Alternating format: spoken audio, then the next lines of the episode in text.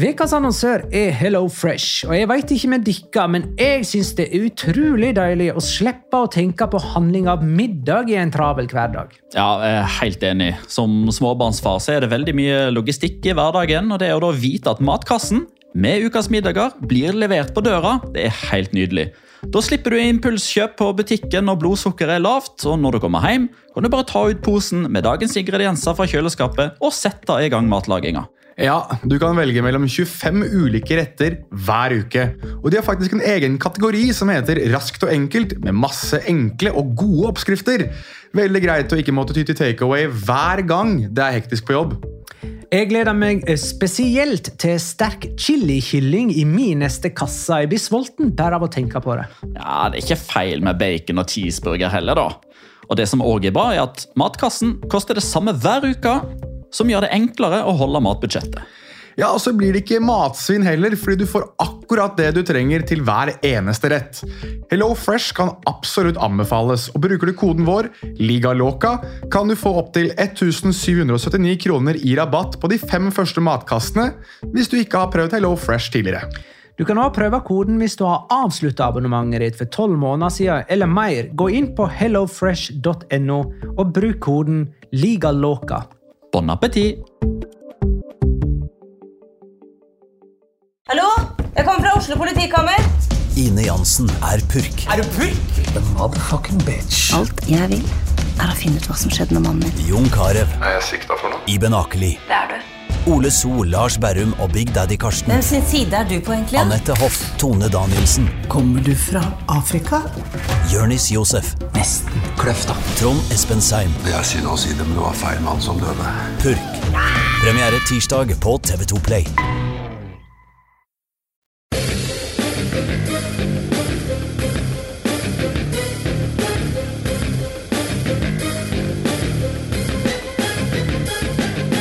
Har du sett?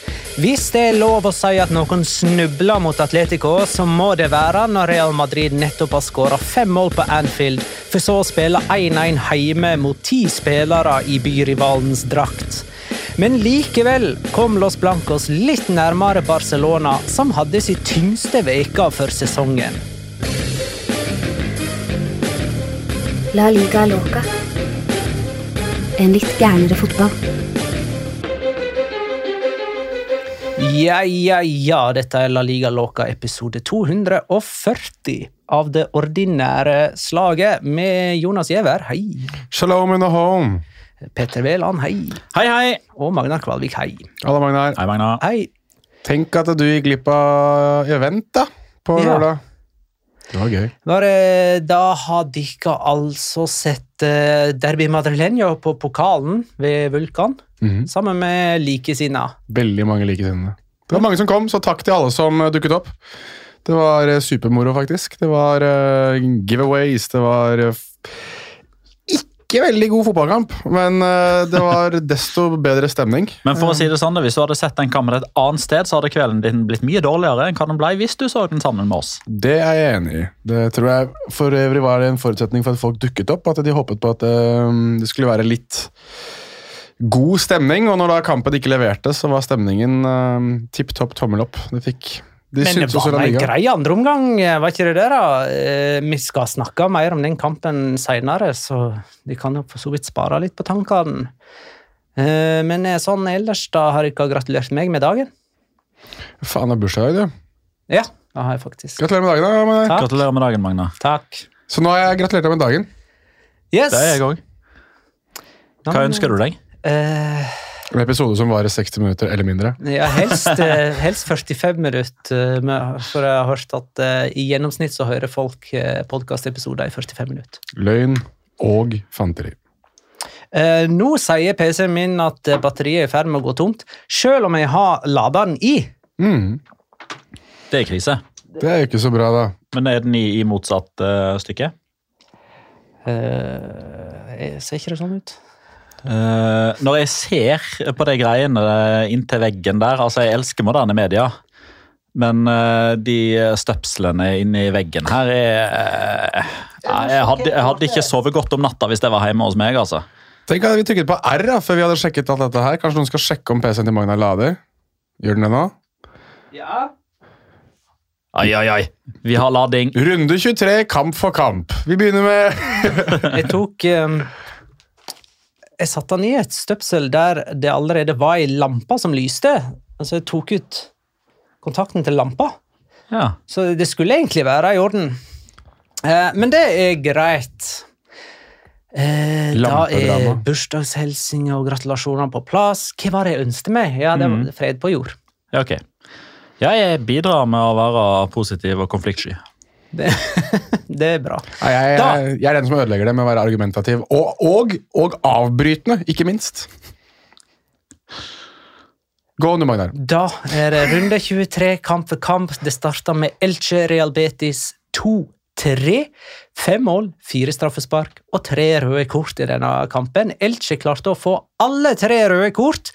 To av dem kom mens de leda 2-0. Español Mallorca 2-1. Martin Brathwaite med sin første dobbel for Español. Cádiz Rayo 1-0. Sergi Guardiola med to mål på sine tre kamper for Cádiz. Real Madrid Atletico 1-1. To poeng tapt i tittelkampen for Real Madrid, som spilte store deler av kampen 11 mot 10, men skulle få en liten opptur dagen etter. Valencia Real Sociedad 1-0. I Ruben Baraja sin heimedebut som trener fikk Valencia endelig sin første seier siden november. Fem strake tap hadde de før dette. Atletic Club Girona 2-3. Eh, Girona hadde aldri skåra engang på San Mames, så her skåra Atletic 2 for Girona, som vant for aller første gang i Katedralen. Celta Vigo Valladolid 3-0.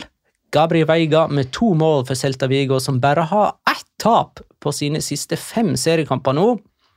Almeria Barcelona 1-0. Tung uke for Barcelona, som røk ut av Europa for andre gang denne sesongen, og som heller ikke klarte å dra nytte av Real Madrid sine poengtap i Madrid-derby. Sevilla Osasuna 2-3. Osasuna har vunnet alle tre oppgjør mot Sevilla denne sesongen, inkludert i Copa del Rey, der Atletic venter i første semifinale onsdag denne veka. Vi har ikke sett Villarreal Getafe, som eh, går eller har gått mandag klokka 21. Eh, det endte 1-1. Villarreal møter Anderlecht i konferanseligaen for øvrig, så har vi sagt det. Skal vi begynne med eh, Madrid-derby, da? Ja! La oss uh, få det unnagjort. Ja. Ja. Nei, altså jeg ble litt skuffa over, over kampen. Jeg ble skuffa over Real Madrid, men samtidig ikke så veldig skuffa, fordi ehm, Jeg kan liksom ikke henge det på noe knagg og si hva var det jeg sa, fordi jeg sa det aldri noe sted. Men jeg hadde en feeling av at typisk Real Madrid nå, etter 5-2 på Anfield, at de kommer ned på jorda igjen. Eh, men selvfølgelig, det, det kommer litt an på øyet som ser, da. Eh, for da går det jo 24 timer, og så viser det seg at de tar inn et poeng på Barcelona istedenfor at de rykker enda to poeng eh, eh, unna i uh, toppen der. Så det, sånn sett så kom jo Real Madrid ok ut av det, og har jo hatt ei veldig mye bedre uke enn sin eh, nemesis fra, fra Catalonia. men Spesielt den første gangen var liksom Den var tam, altså. Det var ikke mye som minner om et byderby der, altså. Nei, men så er liksom litt jeg, jeg vet ikke med dere, men jeg sleit liksom litt med å komme på gode Madrid-derby. Altså det, er, det er jo minneverdige Madrid-derby. Det eksisterer jo, men det er jo litt fordi at de har møtt hverandre i finaler og litt sånn forskjellig. Men sånn ut, jeg husker, Det eneste som er sånn ordentlig minneverdig, er vel den siste kampen på Vicente Calderón, der det, der det høljer ned, og liksom værgudene Saul takker av. liges med brassespark og Ja, det liksom, det, og det var en ganske god kamp, for der, der er det på en måte finspillende Real Madrid, som de var på det tidspunktet hver, og kjempende Atletico Madrid, som jo, har jo røket ut av Champions League, for de fikk jo juling på Santiago Bernabeu. Og på en måte siste Champions League-aften på Vicente Calderón. Det er liksom den eneste derby jeg husker at det var en bra fotballkamp. Men sånn utover det er det ikke så veldig mye gode kamper. Men andre omgang her starta jo med rødt kort på Angel Korea, og så skåra jo Atletico Madrid. Og, og da tar jo dette her på en måte, da får jo dette en helt ny vending. Og så blir det jo drama på slutten. Jeg mener, andre omgang. Ja, Den, altså, den, den, lever jo på en den måte litt opp til det uforutsette som skal være Ja. i et Madrid, eller et byderby generelt. da. Det er sant. Altså, for å si det sånn, da. Jeg har sett langt dårligere fotballkamper i La Liga enn denne, denne sesongen. Uh, denne helga òg. Men det er jo et eller annet når, at når man, når man inviterer til fest, uh, og den ene festdeltakeren er Real Madrid og den andre er Atletico Madrid, så forventer jeg enda mer enn hva man fikk totalt sett. Altså, Ja, jeg er enig i at det tok ja. seg opp, og at man, man fikk en utvid, man, man fikk diskusjon. Var det rødt eller overspilte Rydiger? Var det Hilman Sano som bare skulle ha en, verdens, en, en verdensmester på statistikken sin?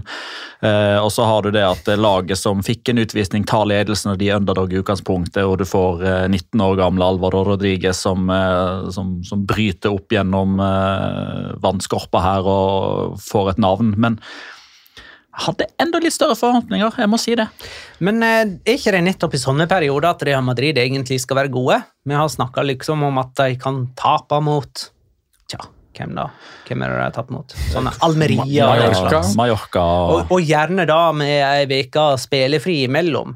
Men når kampene kommer med, med Liverpool, Atletico Madrid og Barcelona, eh, og det er liksom to kamper i veka, da pleier de å levere. Ja, det er sant det. Og der har du jo eh, enda et eksempel på liksom der Real Madrid-auraen. Fordi man har jo gjerne altså Når den kampen her er ferdig, så tenker man jo Ja, ja. Da ble det ti poeng, da. Og så går det 24 timer, så bare Nei. Det gjorde ikke det. Det var, sju, faktisk. Fordi selv om Real Madrid i, i hermetegn taper denne kampen De taper to poeng. De skal vinne hjemme mot Atletico Madrid når Atletico Madrid enda en gang blir redusert til ti spillere. Da skal Real Madrid vinne, vinne den kampen, enkelt og greit.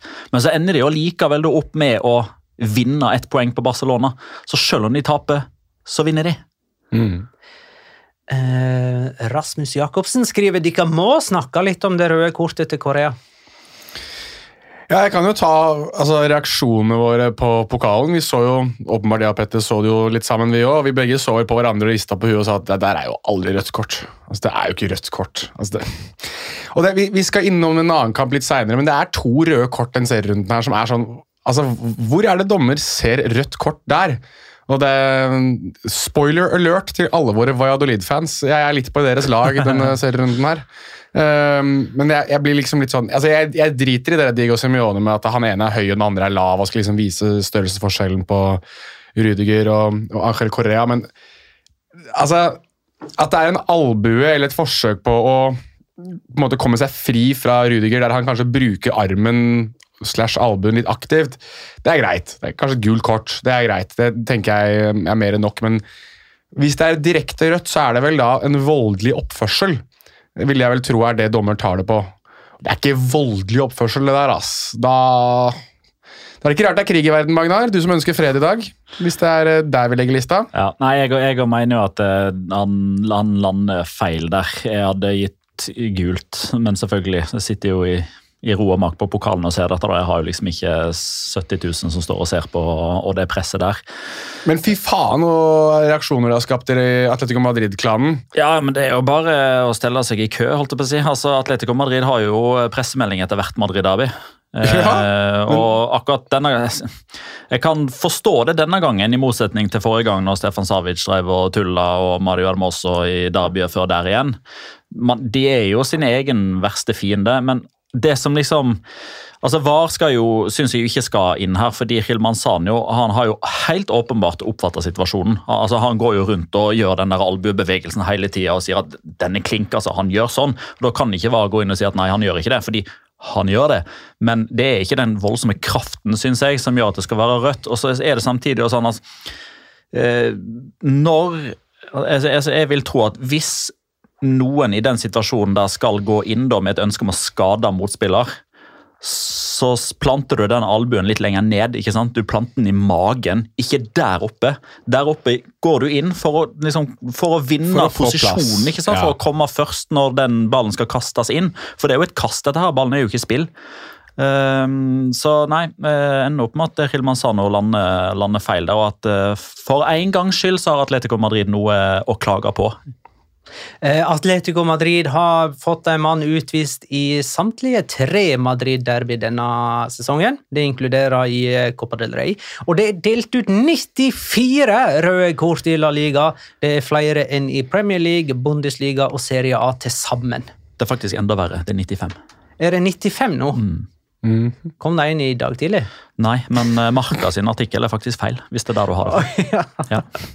Det er, du må huske det at hver gang Marka melder noe, så har Petter noe annet å slå i bordet med. For eksempel, mange mål har Lewandowski denne sesongen? her? Det, vet du hva? det er fantastisk gøy. Vet du hva som hadde vært det mest morsomste i verden? Eh, og unnskyld meg nå, Robert Lewandowski, men hvis du hadde blitt kneskada og ikke spilt mer denne sesongen her Snakker du til meg nå, eller til Lewandowski? Nei, Robert Lewandowski. Han er ute med strekk, han. Ja, vet jeg, men Hvis det hadde vært kneskade og han okay. ikke spilte mer denne sesongen, Knestrekk. så hadde faktisk Barcelona sin iver til å gi han scoring kosta de nesten 12 millioner kroner. For Ah, ja, I hans kontrakt så står det at idet han skårer sitt 15. mål, så skal han få 1,25 millioner euro. Eller Bayern München skal få det. I en sånn klausul. Ja, greit. Gi han skåringa gratis, så blir det dyrt. Uh, Real Madrid møter Barcelona i Copa del Rey på torsdag. Det er på Santiago Bernabeu. Første møte i semifinale. Der er det jo to eh, oppgjør. Og så Real Betis på Benito Villamarin søndag. Så det er Ja.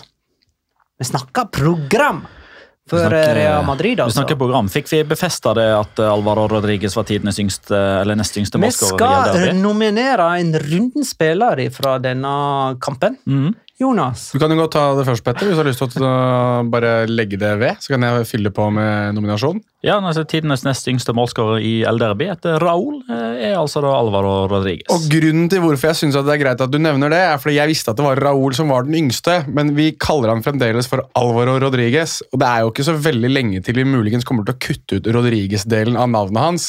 For det er jo gjerne sånn i Spania at når du blir stor og god, så får du bare ett navn. Altså Du har Mitchell, eksempel. Du har jo da Har han fått sparken ennå?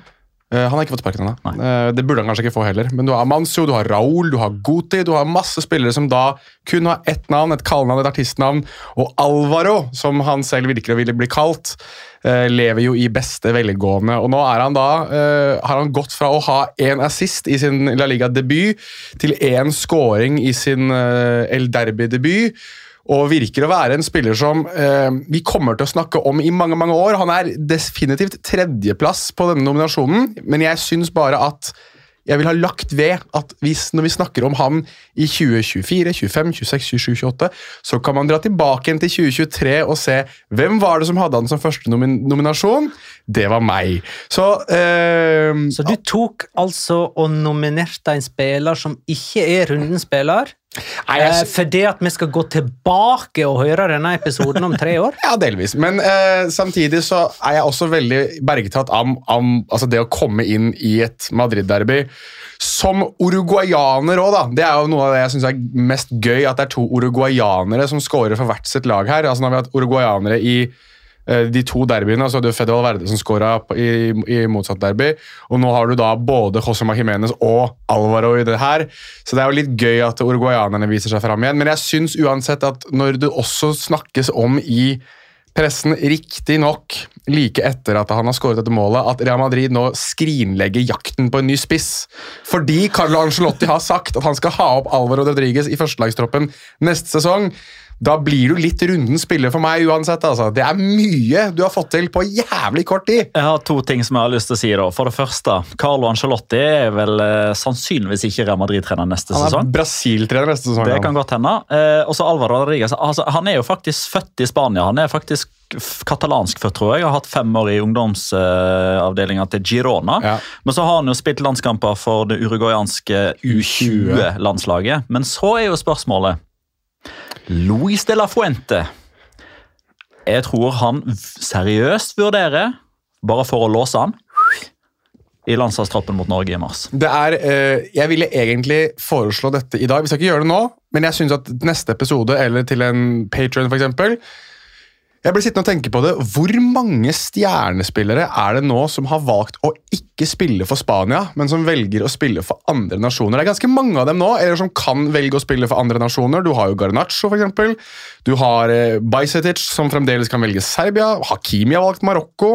Es Abda hadde en denne serierunden her. Han har valgt Marokko. Ja, han, han vet jeg ikke helt om jeg hadde nevnt eh, noe sånn eh, spesifikt. Men det er mange i hvert fall som, Ja. som har sagt fra seg muligheten til å spille for Spania. dette høres ut som en sommerepisode der vi kan sette opp den beste elveren på det, men òg de som har blitt spanske landslagsspillere, men som ikke er født i Spania. Når du har et fransk stoppepar i Robin Lenormand og Aymeric Laporte. Men da bare skriver jeg ned en påstand her fra Petter om at Alvaro Rodriguez debuterer for Spania mot Norge 25. mars.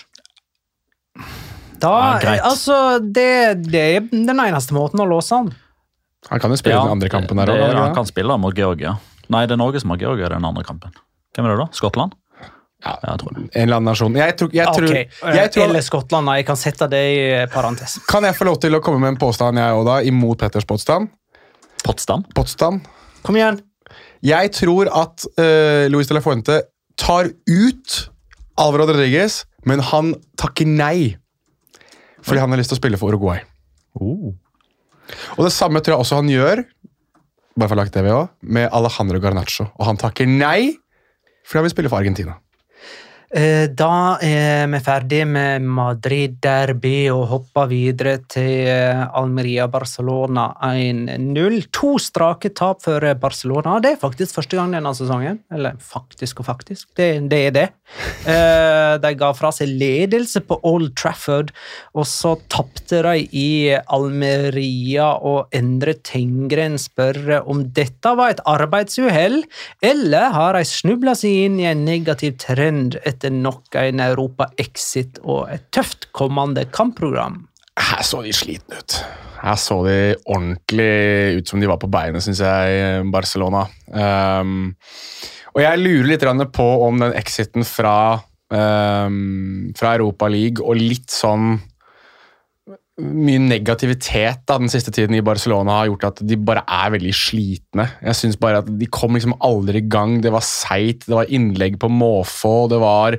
47 innlegg slo de. Hadde de 47 innlegg, ja? Fordi jeg, jeg tenkte på det innimellom at uh, det, det var Altså Det er greit nok at de har et kryss eller et, et kors i logoen sin, men crosses liksom slapp helt av. Det var fryktelig mange av dem. Spilte med Araujo som spiss på slutten. Litt sånn uh, Gerard Piquesk uh, fra back in the days. Men uh, jeg syns det, det, det var vanskelig å se på Barcelona den kampen her. Uh, jeg syns Almeria var ikke noe sånn spesielt gøy, de heller, men de har jo en spiss da, som tydeligvis kan avslutte noe helt jævlig. Fytter, Den var hard. Fy faen så hardt han skyter, han El Bilal Touré.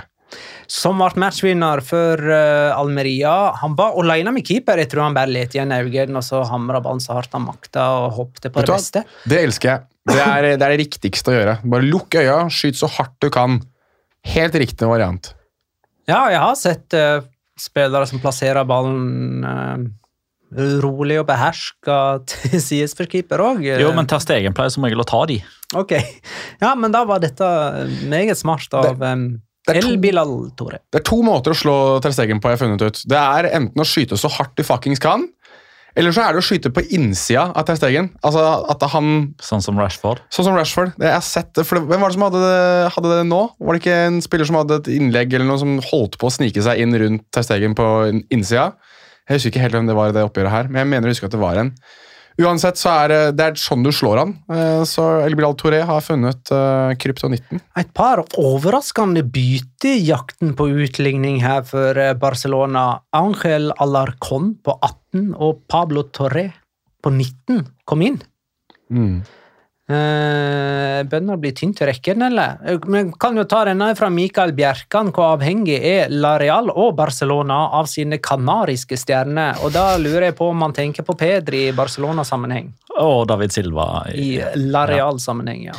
Nei, men altså det, Jeg tror ikke det er sånn veldig tilfeldig at den starten på en nedtur i alle fall, da, har starta og sammenfalt med Pedri-skade. For det, er, det er jo ofte sånn at man, man verdsetter veldig ofte det man har og ser, men så har man kanskje ikke et eh, så veldig begrep om hvor viktige vedkommende er før de faktisk ikke er der lenger. At man kanskje det er først da det går opp eh, hvor viktig Pedri er for Barcelona. Da, for flyten og for eh, relasjonen og samspill med den andre. Og så handler det også litt om hvem som kommer inn.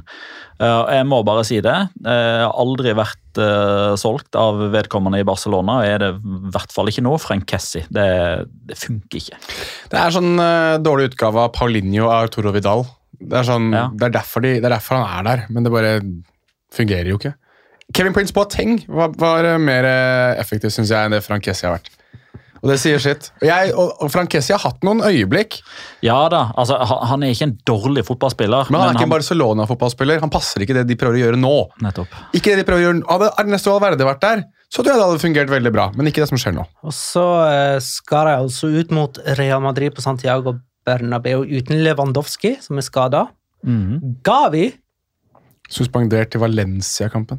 Han er, men han kan spille Copa del Rey. Ja. Mm. Dembélé er skada. Mm. Pedri er skada. Ansu Fati er vel skada igjen. Mm.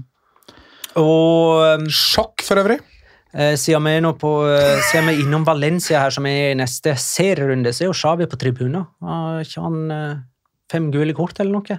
Rafinha er også ute med suspensjon. Eh, Har du, har du litt håp på vegne av Valencia eh, når de skal på kamp nå til helga, eller? Altså, det som, er, det som er helt latterlig nå, er jo det at det er jo ikke, er jo ikke angrepsspiller igjen for Barcelona framover nå. De har jo, Alle er jo ute. Det er jo Ja, det det er, er bare Ferran Torres igjen. mm, Ikke sant? Ja. Så, det er, Men, så eh, der kommer det. Ja, men du vet hvor han spilte før?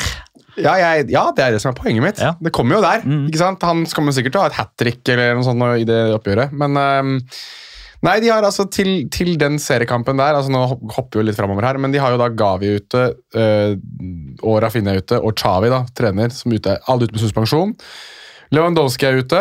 Ansu Fati er mest sannsynlig ute. Dembélé er ute.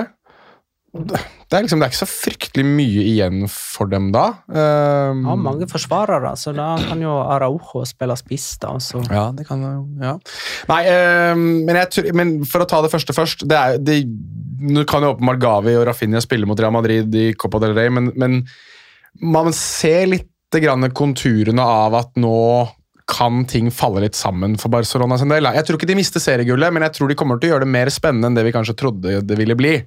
Eh, basert på at det er ikke bra stemning der nå. Det, det er mye murring, og det kommer også av Caso Negreira, som, som ruller og går videre også. Jeg tror ikke det hjelper dem, altså. Da For hver gang det er en dommeravgjørelse nå, Ja. så snakker man om det.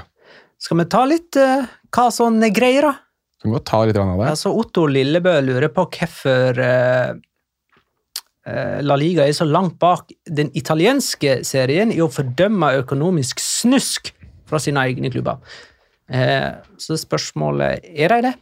Nei, overhodet ikke. Er det noen som er harde mot økonomisk snusk, så er det jo La Liga, som har så knallharde regelverk at det å gjøre økonomisk snusk er jo nesten helt umulig. Det er vel derfor Barcelona har sine palancas Ja. denne sesongen. Det er nettopp det. Men, men det han tenker på her, det er jo sikkert hvorfor La Liga ikke er hardt ute og fordømmer dette her og så videre. Det er jo fordi det foreløpig ikke ligger noe annet i potten enn indisier. Nei, Men nå har jo flere klubber kommet med offisielle uttalelser, i alle fall Ja, den siste ja, veka. det var jo også litt sånn interessant og en sånn storpolitisk eh, i fotballsammenheng, da, at eh, den eh, etiske komiteen, eller det er en eh, sånn komité innad i La Liga som består av 16 klubber, eh, som da uttaler seg på vegne av alle 42. Mm. Den skrev jo eh, nesten alle sammen under på en sånn fordømmelse, og dette må vi gå til, vi må finne ut av dette, vi må til bunns i det, her må vi være åpne og ærlige og komme til bunns. Med unntak, Med unntak av to. Den ene er jo, sier jo seg sjøl. Barcelona er jo selvfølgelig ikke enig i dette. Og den andre Og er den andre er trommevirvel Big Papa Florentino Perez. oh, Real Madrid. Ja, Hvorfor det?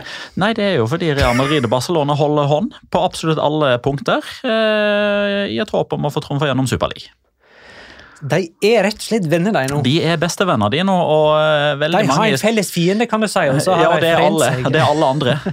Så det er, bare, det er El Clásico mot verden. Eh, Men, men altså, det, det, det sies jo selvfølgelig litt sånn på spøk, og det er veldig mange Real Madrid-supportere som, som først sier det. Jo, men at eh, Florentino Perez er pappaen til Joan Laporta. Laporta bare gjør som han får beskjed om. Der har du tittelen på episoden vår.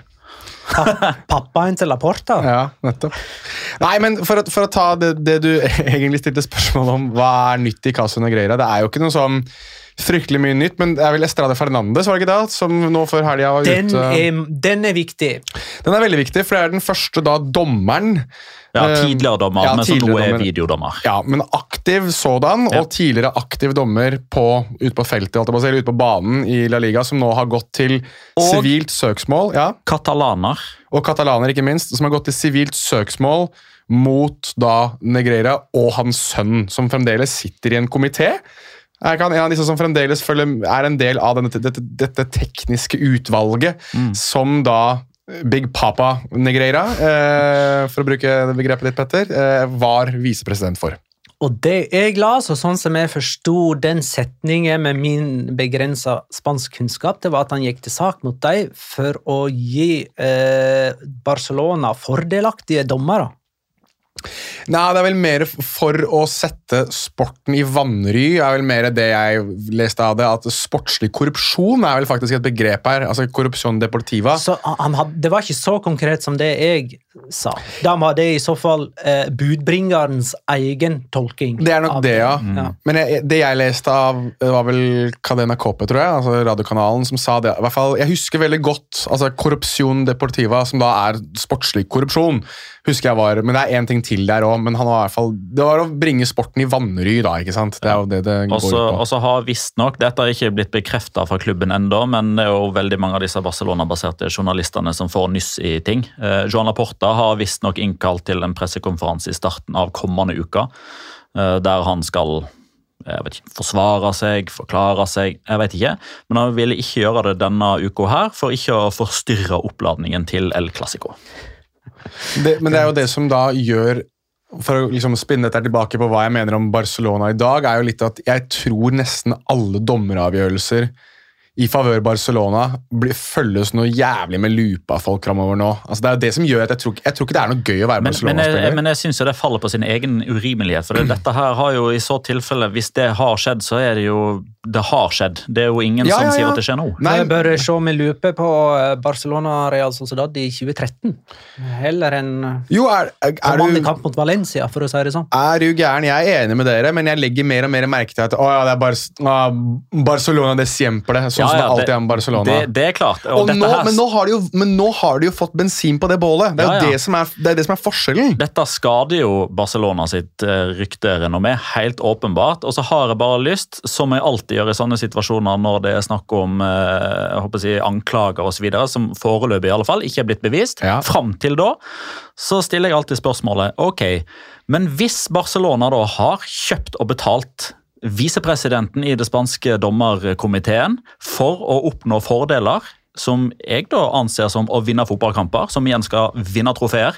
Hvorfor i svarte faen annullerer Mateo Laos den skåringa til Luis Suárez, nei, Lionel Messi i Barcelona Atletico Madrid? Seriefinalen i 2014. Og ikke kom og si fordi det er Matheo Laos, for det er bare moro. Men Ja, det var det jeg skulle si. Nettopp. Det hadde vært typisk Matheo Laos å være kontrær mot det han egentlig skulle gjøre. det hadde det. Men igjen, Ja da. men- djevelens advokat. Det Det, hadde vært enormt lett Ja. for Matheo Laos å bare Ok, greit, vi, ok, greit, det stemmer det. Negreira har jo sagt at han vil at Barcelona skal vinne, skal vinne La Liga. Eller, lar den stå. Men hvis, kan jeg bare spinne inn på Almeria igjen? Fordi uh, Almeria-trener er jo Rubi. Rubi var jo assistenten til Tata Martino, som var trener i dette oppgjøret du var inne på. Og han brukte jo dette som eksempel i sin pressekonferanse etter denne kampen her mot, eh, etter Almeria hadde slått Barcelona. Der han sa at de mente fremdeles at det her var det Hvis, hvis det åpenbart var sånn at dommerne var kjøpt og betalt, så var det én kamp de tydeligvis hadde gått glipp av at de skulle hjelpe med. da, var liksom det han hintet mot. Og han aldri hadde hørt noen ting om dette her, han heller. Og han hadde vært assistent i Barcelona. Apropos Tata Martino. Han var, det var 13-14-sesongen han var trener for Barcelona. sant? Ja. Og da skal jo Barcelona ha betalt eh, Negreira, altså visepresidenten i dommerkomiteen, eh, penger for å gi dem dommeranalyser. Ja. Eh, og ifølge Tata Martino så har ikke de fått en eneste dommeranalyse i løpet av den sesongen der. Fra Negreiro, i alle fall. Og det er, det, det, er, det er jo her ok, Nå skal ikke vi gjøre dette til Negreira-episoden, men det er jo det jeg stusser mest med, med, alt, med alle disse som sier at ja, vi har aldri hørt om han, vi har aldri sett han, alle disse trenerne som kommer ut og liksom ikke vet noe som helst om hvem denne fyren her egentlig er. Hvis det er det som har blitt skrevet av da, i disse av, altså utbetalingene til dette selskapet, så lurer jeg veldig på ja, hvor faen har disse analysene blitt av? Altså, Hvem har fått disse analysene? Ja, og Hvis ikke var- trenerteamet har fått det, og hvis ikke spillerne har fått det, er det noe man har Jo, skrevet? det er vel noen for... spillere som har sagt at de har fått en form for skolering i hvordan de oppfører seg og ikke. Ja, og så, og så har vel Negreiro sjøl sagt at det ble gitt uh, verbalt. Så det er liksom ikke nedskrevne. Nei, men Alt her har jo vært verbalt, for det her har jo ikke vært skatte... De har ikke skrevet uh, meldinger på det så du skulle skatte på det. Det er der det Verbale her problemet er. Betalingene er jo ikke blitt skatta på. Men det eh, er det bare sånn for å avslutte dette, så presiserer vi at Ja. Estrada Fernandes, som altså har gått til sivilt søksmål her, har ikke gjort det mot Barcelona, men mot den tidligere visepresidenten i dommerkomiteen. Så det er jo ikke Barcelona som er stilt for retten, kan du si. Nei, det er riktig. Nei, og Eh, da tror jeg vi må gå videre. Det, dette var ukens Negreira. Eh, tapet for Almeria var Barcelonas andre i La Liga, og det første siden El Clásico i oktober. Ehm, det er første gang de går målløs av banen her, eh, Barcelona, siden seriepremieren mot Rayo Vallecano i august. Og det er første gang noensinne at Almeria holder nullen mot Barcelona. Og det er første gang noensinne at Barcelona ikke klarer å skåre mål mot et lag som slapp inn seks mål serierunden i forveien. Men, de er, men har ikke Almeria en helt sånn sinnssyk hjemme borte? De har ikke vunnet de har, De og Mallorca er sånn eh, som har reisesjuketabletter, og så er det full fest hjemme. Mallorca skjønner jeg det litt, da, for de har litt lengre reisevei. Men Almeria Nå, Jonas, må vi snakke om favorittlaget ditt. ja. Eh, Valencia vann over Real Sociedad. Eh, Tenk det. og det var altså etter et sjølmål av Sobeldia, var det det? Mm. Ja. Eh, Chris Robin Eriksen skriver Valencia skåra to mål i februar. Begge sjølmål! Mm. Ja, det, det snakka vi faktisk litt om eh, på lørdagen her, med at eh, det blir litt sånn klein stemning når Valencia skal kåre månedens mål i februar.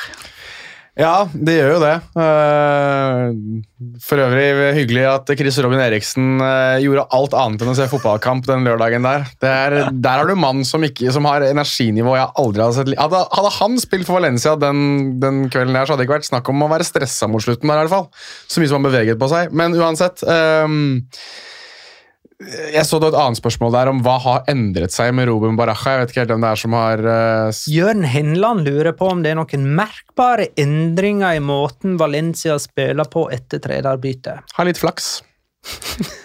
Rett og slett. Det er, det er virkelig ikke så veldig mye annet man har sett ennå. Det er litt flaks. Det er litt mer flaks og kanskje altså, åpenbart litt mer Litt mer energi, da. Det er, kanskje kommet, det er en liten boost, sikkert, det å ha fått inn to Valencia-legender. Ja, det er jo begrep som brukes kanskje litt av meg også, litt i overkant. At det har gått mye inflasjon i begrepet legende. Men Ruben Baraja og Carlos Marchena er legender i Valencia. Og det å ha to sånne typer på benken som vet hva det går i, og som kan på en måte benytte Hei seg Leo. ja, benytte seg litt grann av, eh, av, eget, eh, av egen erfaringsbank. Det, mm, det tror jeg har hjulpet Valencia veldig. Men eh, litt flaks, og så regner jeg med at det, mm, det ebber ut når de møter Barcelona på Camp Nou og får ja, 4-0, 5-0, et eller annet sånt i sekken. Karl Løvenskiold eh, skriver Valencia på stø kurs opp mot en ettertrakta tolvteplass. Uh, vel, de er fire poeng bak den tolvteplassen, ligger tredje sist, altså under streken, men likevel, da. Kan, har, kan du Tør du håpe på en trenereffekt og sluttspurt? Ja, altså, nå har jeg på en måte I alle de årene vi har hatt La Liga Loca, så har jeg på en måte prøvd å ikke la det komme sånn Jeg, jeg vil ikke sitte og være supporter i min egen podkast, holdt jeg på å si, men jeg kjenner jo at man blir jo enda mer engasjert sikkert når man holder på å vinne seriegull og når man holder på å rykke ned. Og jeg tror fremdeles at Valencia rykker ned. Um, men, og jeg syns jo det var liksom litt sånn typisk at Almeria da selvfølgelig skulle vinne hjemme mot Barcelona når Valencia endelig var på trygg grunn, og så sende Valencia ned på utrygg grunn igjen. Um, men selvfølgelig, altså det er jo sikkert litt vind i seilene for Valencia. Jeg syns det var interessant å se f.eks. Ogo Doro, som falt sammen egentlig etter kampen var over, og gråt og gråt og gråt. Det er så mange Valencia-spillere som griner etter kamper om dagen. Ja, det Gabriel Paulista Ja, grein da de griner jo, tapte 2-0. eller hva det Griner jo uansett, han jo! Det er altså, det griner om de vinner eller taper. Ja, han, han griner jo altså han, Uansett, du kan jo fortelle ham at det, spørre om han har en fin dag, og så begynner han å grine.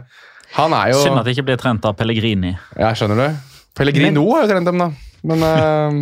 Men uh, utrolig viktig seier, for det at uh, Getafe slo jo Valencia i forrige kamp, altså mandagskampen, og Getafe ligger jo rett bak deg. Ja. Er ikke det tilfellet?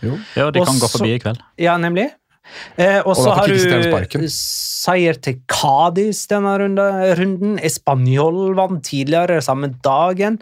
Eh, så det kan jo virke som at noen der nede i sumpa, bortsett fra Sevilla, har begynt å se alvoret. Ja, bare skutt inn. Det er ikke noe feil at mannfolk griner, bare for å ha tatt det. Men um, syns det var viktig å ha lagt ved det, faktisk. Uansett. um, Der har du eh, navnet på episoden. det er ikke noe feil at mannfolk griner. feil at mannfolk griner. Ikke feil at mannfolk griner, altså. Nei, men det er det ikke. Men uh, poenget mitt var uansett at Elche er akterutseilt. Getafe tror jeg uh, kommer til å være så ujevne, med mindre Enes Onal egenhendig skyter de opp den tabellen her. Jeg tror ikke at Valencia har nok til å overleve. Jeg tror ikke det, sånn oppriktig talt. Men det lille håpet man således da har, er jo at Almeria fortsetter å være ræva på bortebane og begynner å miste poeng på hjemmebane. Det er vel det eneste håpet Valencia har, samtidig som de kanskje klarer å karre seg til noen uavgjort sjøl. Har vel et håp om at eh, Kyle Larrim blir skada. Da er Valladolid òg akterutseilt. Ja, det er kanskje ikke et dumt poeng, det heller. Men eh, bare en siste ting på Real Sociedad. da. Eller en første ting på Real Sociedad. får ikke snakke om det ennå. Vi må jo oppdatere Silva-statistikken. Ja. Han ah, spilte jo ikke denne kampen, og da vant de jo ikke. De vinner 29% av alle fotballkamper de spiller uten David Silva. De vinner 67% av alle fotballkamper med David Silva. Og han er ikke tilbake til møtet med Roma i Europaligaen. Det er vel halvannen uke til. Eh, Et lite håp. Ok. Ja, Da er det et lite håp om avansement likevel, da, for Lareal. Jeg vil skyte inn at uh, vi var inne på det veldig øh, kort i stad. Men det ser ut, og uh, dette vil jeg ta et øyeblikk bare ha nevnt, fordi Robin Lenormand vi har tatt i Patreon-episoden, han har jo vært en jeg har hunsa litt med og vært litt sånn slem mot. Men nå er han på vei inn i den spanske landslagstroppen. Han velger å bli spanjol. altså han hold- abdiserer sitt øh, franske statsborgerskap for å bli spanjol. Og da skal han inn i den spanske landslagstroppen og spille. og han, Det er jo en posisjon Spania sliter på, er jo midtstopperplass. Um, Hæ, de har jo Erik Asia. Uansett så tenker jeg at det er på sin plass fra undertegnede å beklage til eh, Robin Lenormand for hunsing, for han har vært god og fortjener den plassen. Og da er det gøy at man faktisk kan få Robin Lenormand ved siden av Aymeric Laporte. At du da får to franskmenn, i hvert fall av fødsel, som eh, da skal spille stoppere for Spania. Ja, apropos Lenormand. Normand. en ting er at de siste to målene til Valencia har vært sjølmål. De siste to baklengsmålene til Real Sociedad har jo òg vært sjølmål, og en av dem var jo Le Normand eh, mot Celta Vigo. og Begge de sjølmålene der har jo kosta Real Sociedad dyrt. Ja, Det koster de tre poeng. Eh, ja. Kosta faktisk Lenormand statsborgerskapet sitt. Så da var det òg nevnt. Neste kamp vi skal kose oss med, er Elche Real Betis 2-3. Og den skal vi kose oss med! Eh, Da kan vi jo egentlig begynne med locoraen til Jonas. Ja, jeg kan begynne med det, fordi den, denne kampen her er ehm, Hvis du noen gang lurer på hva er La Liga Loca, dette her er kampen som oppsummerer La Liga Loca. Og jeg tenker å gå gjennom, altså Petter kan få lov til å ta alt det andre, for jeg vet Jeg at Petter har så mye deilige snacks. Men jeg bare Jeg syns det er fascinerende, fordi at Pape Sheik ble jo signert av Elche etter at vinduet stengte. Han var jo eh, Bossmann-spiller før vinduet åpnet, og er Bossmann-spiller etter vinduet stengte. Han signerte jo for Elche. Han har jo ikke engang spilt på eh, Åh, hjelp meg, Martinez Valero. Han har ikke debutert han på hjemmebanen for eh, Elche, men han har rukket å bli utvist på Martinez Valero for Elche.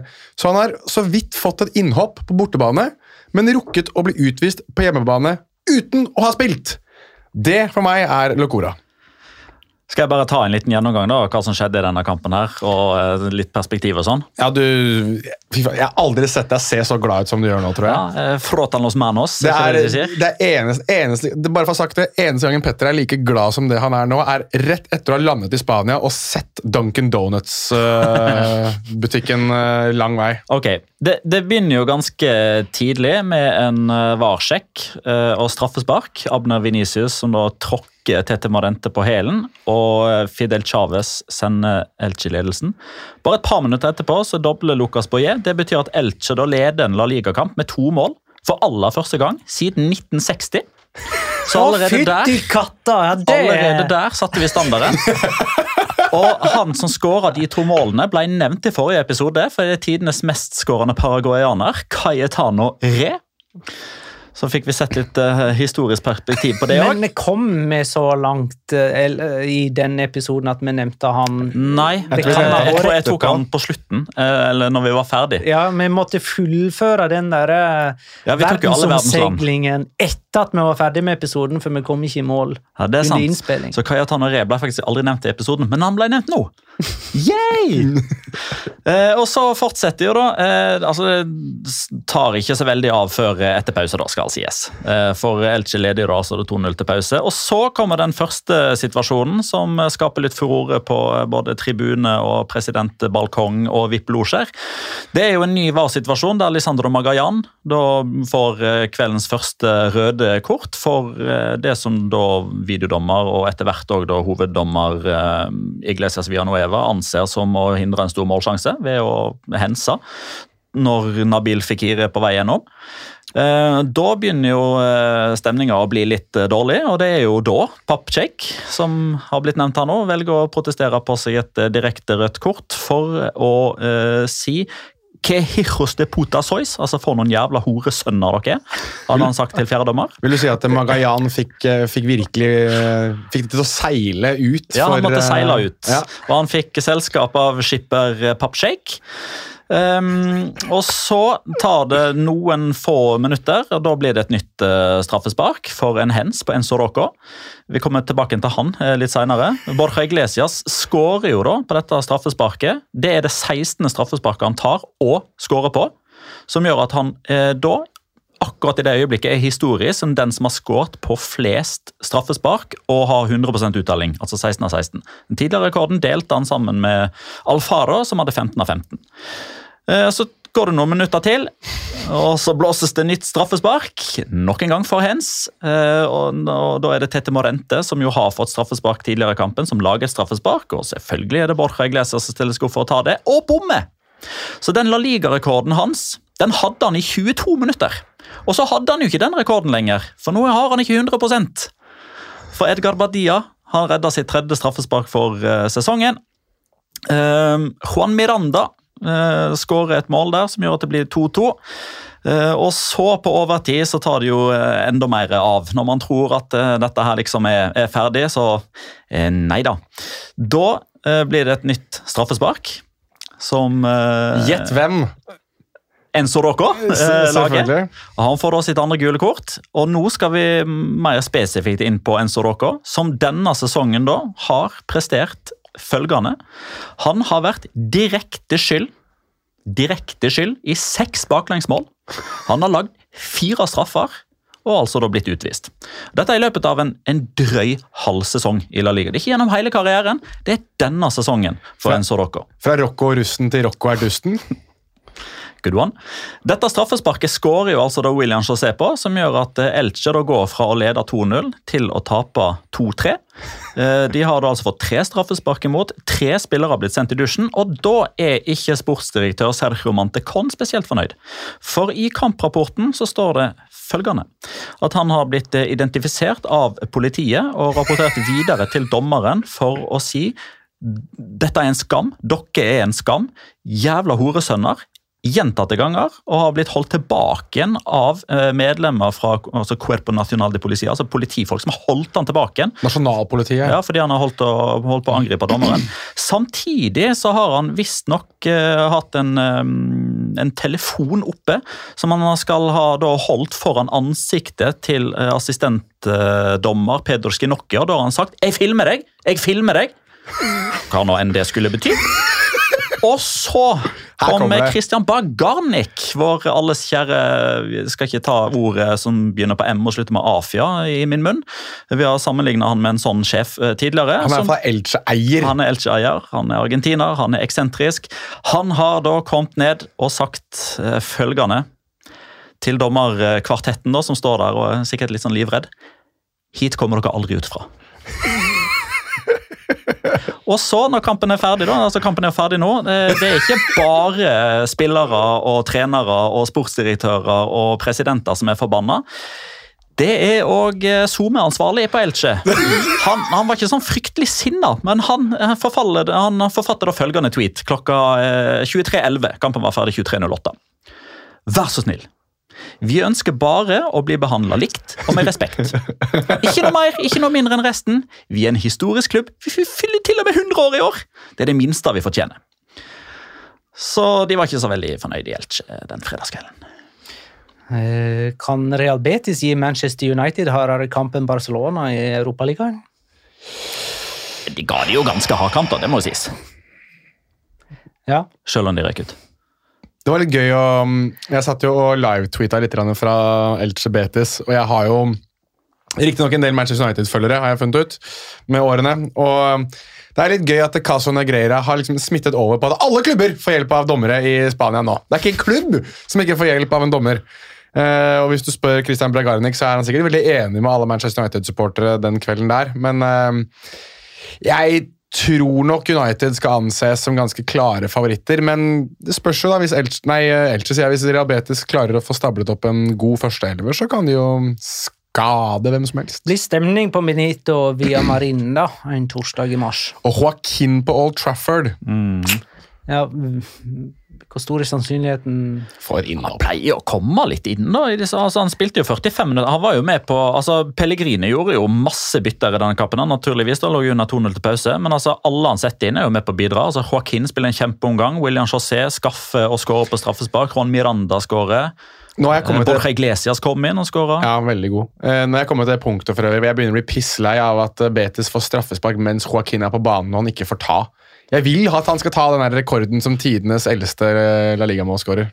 Betis er bare to poeng bak Atletico Madrid og tre poeng bak Real Sociedad i kamp om Champions League-plass. Før de møter Manchester United i Europaligaen, så tar de altså imot Real Madrid på Benito Villamarin. Neste oppgjør vi må se på, er Sevilla og Sassona, som altså endte 2-3. Eh, vi må aldri tro at Sevilla er ute av nedrykksstriden, sant? De bare finta oss en stund til å tro at de ikke var så dårlige, men så var de det likevel. Nå er de nummer 14, to poeng over Valencia. Igjen så vil jeg bare få, få sagt det at måten Altså, jeg, jeg, kommer ikke over klesstilen til Jorge Sampaoli. Jeg gjør virkelig ikke det. altså. Nei. En svær boblejakke med noen sånne uh, fjærgreier rundt kraven. Og, altså, det var minst tre fugler som hadde gått med på den. Den mannen der er 62 år, altså. Det er, jeg har aldri sett en, en mann være så i midtlivskrise som det han er. Han, altså, han er personifiseringen av midtlivskrise, han er 62. Det er helt forbanna sjukt. Altså, Uansett, jeg har ikke sett den kampen, uh, så ærlig skal jeg være. Jeg rakk ikke det på søndagskvelden. Men jeg har sett San Paoli, og det er liksom nok til å skjønne at dette her er jævlig nok som det er. Han fikk gull kort igjen. Jeg lurer på om det var hans sjette. Ja. Uh, I tillegg til to utvisninger. Ja, Det har han òg fått, mm. ja. Uh, dette var for øvrig Osasona sin første seier på Ramón Sánchez Pijuan siden 2006. Og det var et Osasona-lag som bar preg av at de har Copa del Rey-semifinale på onsdag mot Atletic Klubb. Det er nettopp det som er så fuck up. Altså, de sparte seg til seier. Ja.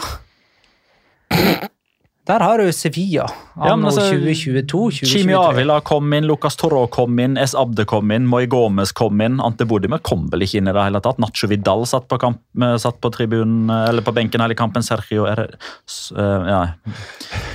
Så hvilket, Hva var det du sa de sist? Var det 2006 du sa? At uh, Osasona vant på Ramón Sánchez Pijuania. Og det var også første gangen, eller forrige gang Osasona vant begge seriekamper mot uh, Sevilla i ligaen. Samme år det, som uh, en viss iraner signerte for uh, Osasona. 2006. Ha. Masoud Shojai? Nei, vel uh, ikke han, men uh, Javad Nekonam, ja. Godelli. Ja, målet til Godelj. Godelj, som det skulle kalles. Godelja til. Ja, han er god fra 30 meter. Ja, altså, ikke... altså, nei, han, han, er god 30 meter fra motstanders mål. Eh, og ikke, ikke nærmere sitt eget Han er ikke god 30 meter fra sitt eget mål, nei. Nei, det slettes ikke. Men, altså, han kan bare stå 30 meter fra motstanders mål hele tiden. Og, og Altså, vil han er- ikke gjøre det noe dårligere eller bedre derifra enn det han gjør ellers. Nei, men altså, altså, han, I og med at eh, altså, teknologiske nyvinninger og flere bytter og alt dette her, altså, det har jo vært snakk om å få sånne der, eh, spillere som bare de blir bare kasta innpå i eh, sånne spesifikke situasjoner. da, altså Du har disse som blir eh, Set piece-folk. ja, Ja, altså Folk som bare kommer inn rett før ekstraomgangen er ferdig fordi de skal ta straffespark. ah, ja, special de, team, som det heter på NFL-språket. Ja, Han er jo en sånn type kicker. Altså, vi, altså Bare hiv han innpå når ballen er 30 meter fra motstanders mål, og så ut igjen.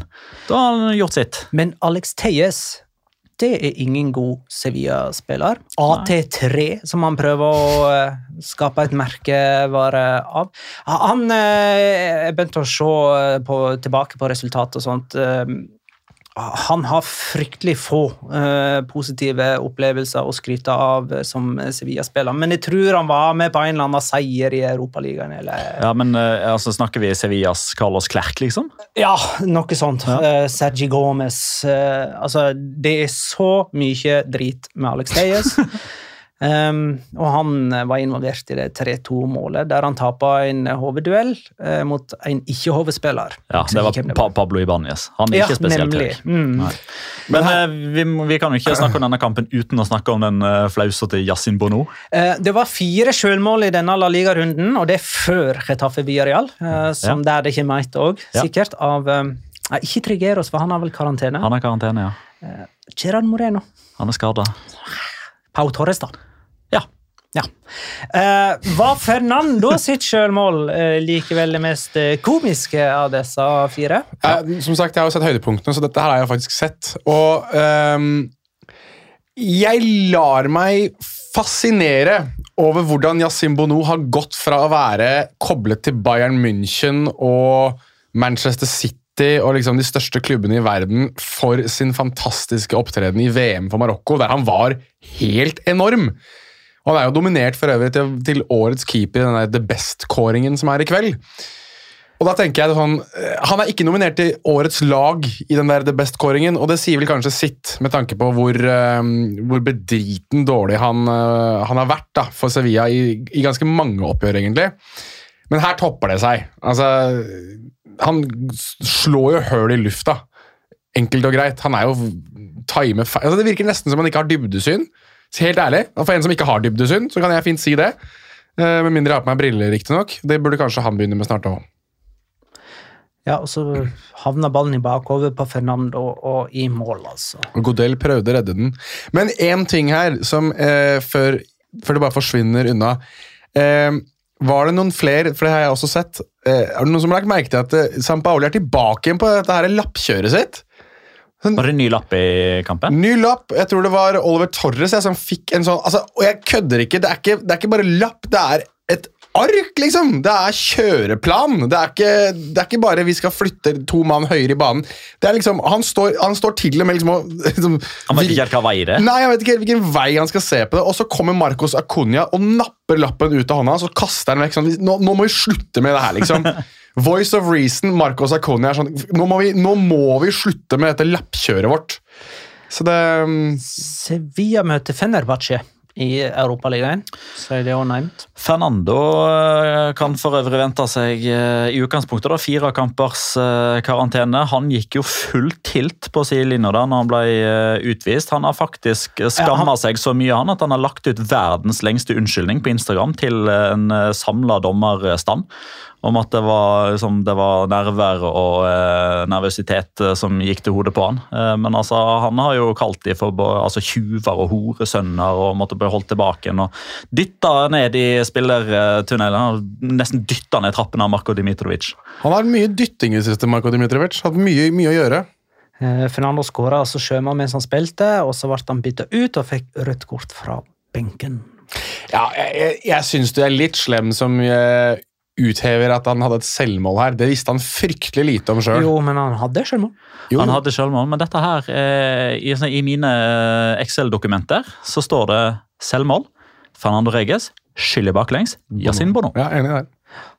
Eh, vi må snakke litt om Celta Vigo mot Valladolid. Den endte 3-0. Og før dere får snakke om byttepolitikken til Carvalhall, så nominerer jeg eh, Gabri Veiga til rundens spiller. Han hadde målgivende og to skåringer i denne kampen. Han var et stolpetreff under hat trick, og han er den U21-spilleren med flest mål i La Liga denne sesongen. Han har åtte. Eh, Han er òg delt toppskårer blant midtbanespillere i La Liga. Han og, og Jan Sandseth i Atletic Klubb har like mange. Um, ja, de siste fire U21-spillerne som har skåra mer enn sju mål i La Liga Han er jo den siste, da. Mhm. Klarer ikke de tre foregående? Jeg diskvalifiserer meg sjøl, for det står i mine notater her. Så jeg skal ikke late som at jeg kan okay, jeg kan prøve, Jeg har jeg. lest det. Ta det en gang til. De tre siste De f- siste fire, Fire. U21-spillerne som har skåra mer enn sju mål i en ligasesong. Veiga er jo den aller siste, da, og så er det tre. Kan Ansu Fati være der, da? Nei. Eh, den er vanskelig. Okay. Så den forrige, før Veiga, var Oyarzabal. ok. -hmm. Forrige før der var Isko. Ja, vi er der, ja. Vi er så, Og den forrige før der endte opp i Stoke. Det, det, det, han har endt opp i Stoke. Ja, Det må jo være Bojan, da. Ja. Ja, ja. ja. Insinuerer du at Gabriel Veiga spiller for Stoke i 2029? Ja. Ja, Da skal han i hvert fall takke nei til å være med på det spanske landslaget i en eller annen EM- eller VM-tropp først. da. For å sitere eh, Mr. Chip etter denne kampen her eh, Hvis han hadde heita monsieur Gabriel Veiga, så hadde Luis de la Fuente vært i ferd med å gjøre han til spanjol allerede. Ja, men Han er i den spanske landslagstroppen mot uh, Spania. Nei, mot, mot, uh, mot Norge. Han kommer til å være med der. det. Um, 100 Jørgen Strand Larsen starta ikke denne kampen. Det gjorde derimot Seferovic, som skåra og ble bytta ut i det 55. 55. minutt før Jørgen Strand Larsen. Ja, nei, altså Så da har vi egentlig sagt noe om byttepolitikken til Carvalhall, eller? du, er jo, du var jo hardere på det her du på Discord enn det jeg var, som du for øvrig får tilgang til gjennom patreon.com slash laligaloca. Det Ja, er, nå er det i snakkende stund da, 30 timer, la oss si når du hører dette. da, 28 timer igjen av supertilbudet. som er bare ut februar måned, så her er det bare å forte seg. Vi fikk til og med inn Martin Hellerud fra Real Madrid Norge på, på lørdag. Virkelig på tide. Uansett um, Ja, det sa han jo sjøl. Det var jo han som mente at det var virkelig på tide.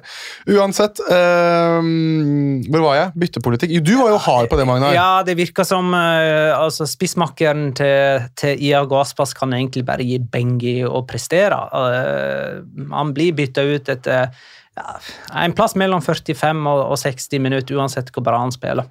Ja, det er jo det er et kjempeproblem. Eh, det virker litt sånn eh, kjedelig. Men altså, hvis vi, hvis vi skulle ha hatt et intervju med Jørgen Strand Larsen, da, et av de spørsmålene jeg ville ha stilt til han, det er jo, altså, det er jo åpenbart at det ikke er liksom ideelt, fordi alle spisser ønsker jo å spille 90 minutter, naturligvis, og det er jo det som er målet. Fordi, men samtidig sånn, kan man forsøke å snu litt på det og si at man vet at man er sikra å spille minst 35 minutter hver kamp òg, da? For starter du ikke, så kommer du faen meg inn. Ja, ja, men hvis ikke det er Altså Gonzalo Paciencia, for Nei, men han, er- han spiller jo ikke, han. Nei, nettopp. Men hva skjer hvis Paciencia plutselig Altså, Ja, men Han får jo ikke spille, så det ja, ok. ja, men, Jeg vi synes har ikke det så mye mer å si egentlig om Nei. det der. det, er tøv, det er tøvete, det er vi enig i.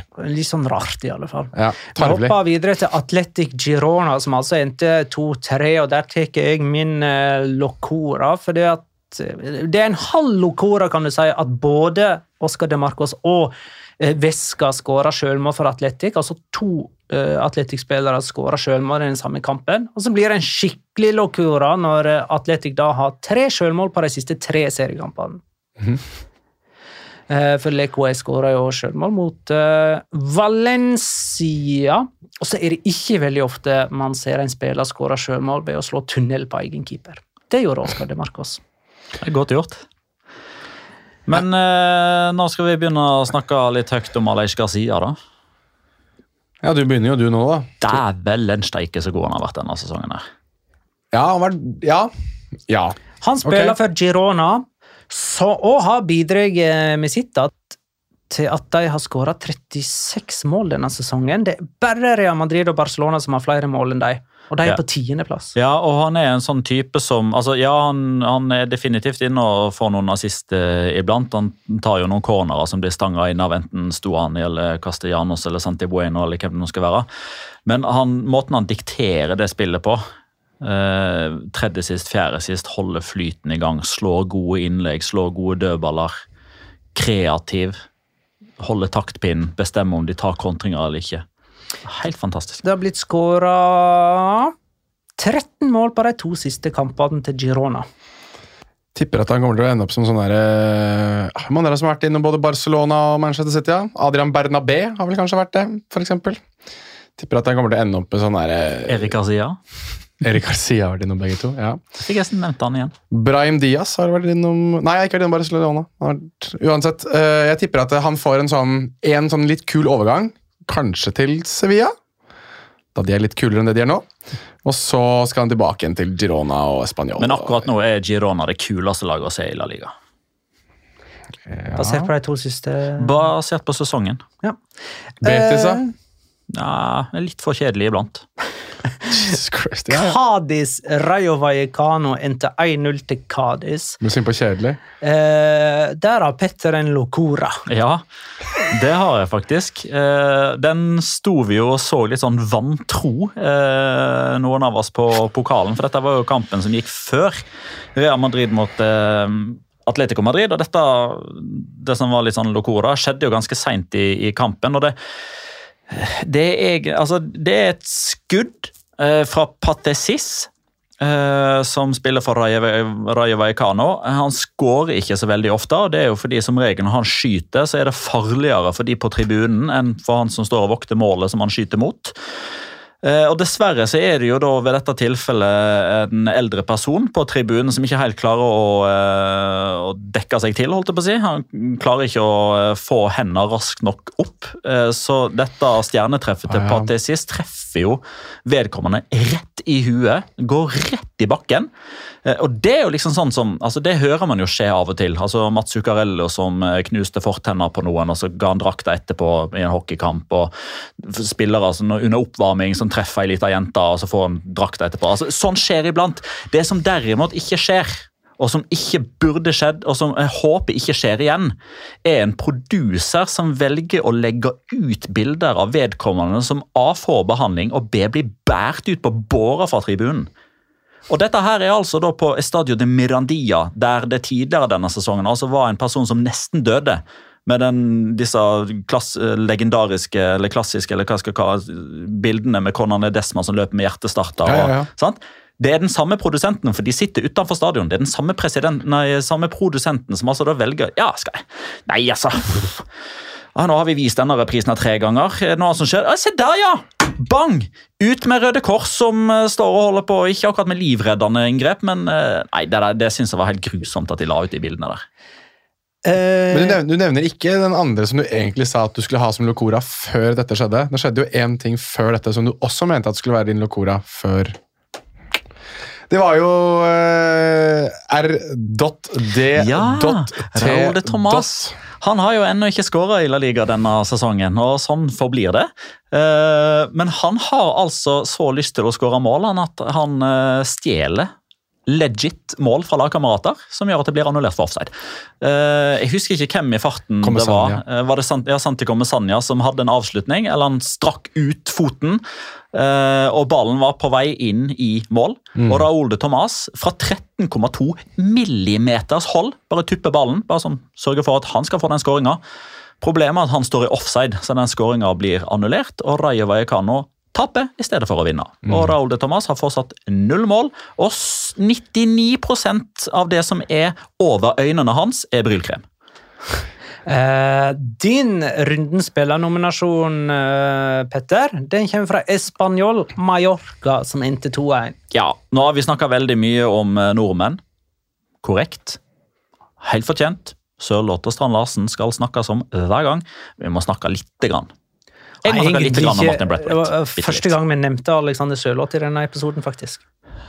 Jo, jo, men, Men sånn nordmenn er vel den før dansken her nå. Eh, Jo, jo, men gjennom sesongen, da. Vi har ikke snakka mye om dansker i La Liga denne sesongen. Det er jo fordi det nesten ikke er noen der. Men Martin Brathwaite er der. Snakk om Bjørn Christensen, da. Eh, Og han skåra mål i Dani Harke-minuttet. Han skåra mål i minutt nummer 21 på RCD Stadium, så de hadde jo begynt å klappe allerede før han skåra mål.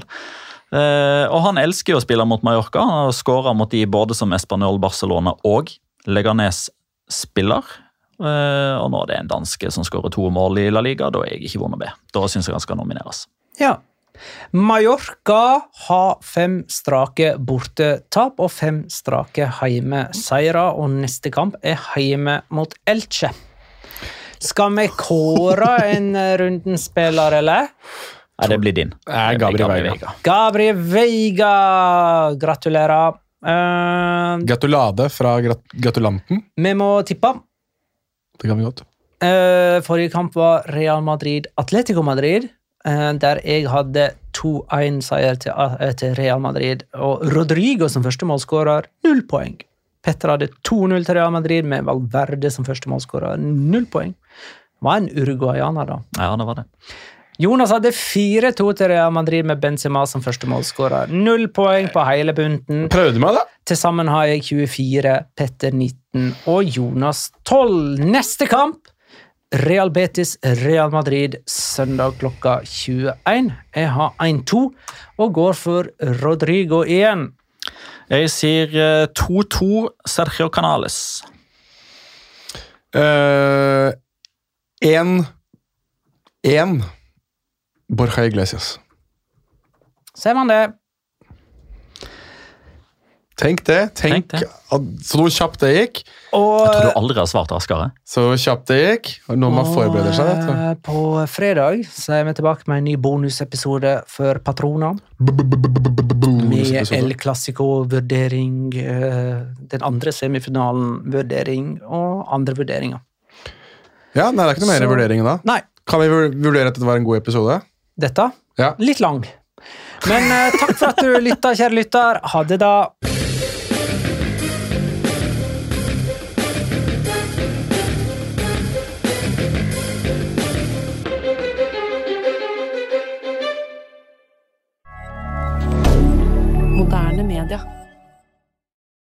Har du et enkeltpersonforetak eller en liten bedrift? Da er du sikkert lei av å høre meg snakke om hvor enkelt det er med kvitteringer og bilag i fiken, så vi eh, gir oss her, vi. Fordi vi liker enkelt. Fiken superenkelt regnskap.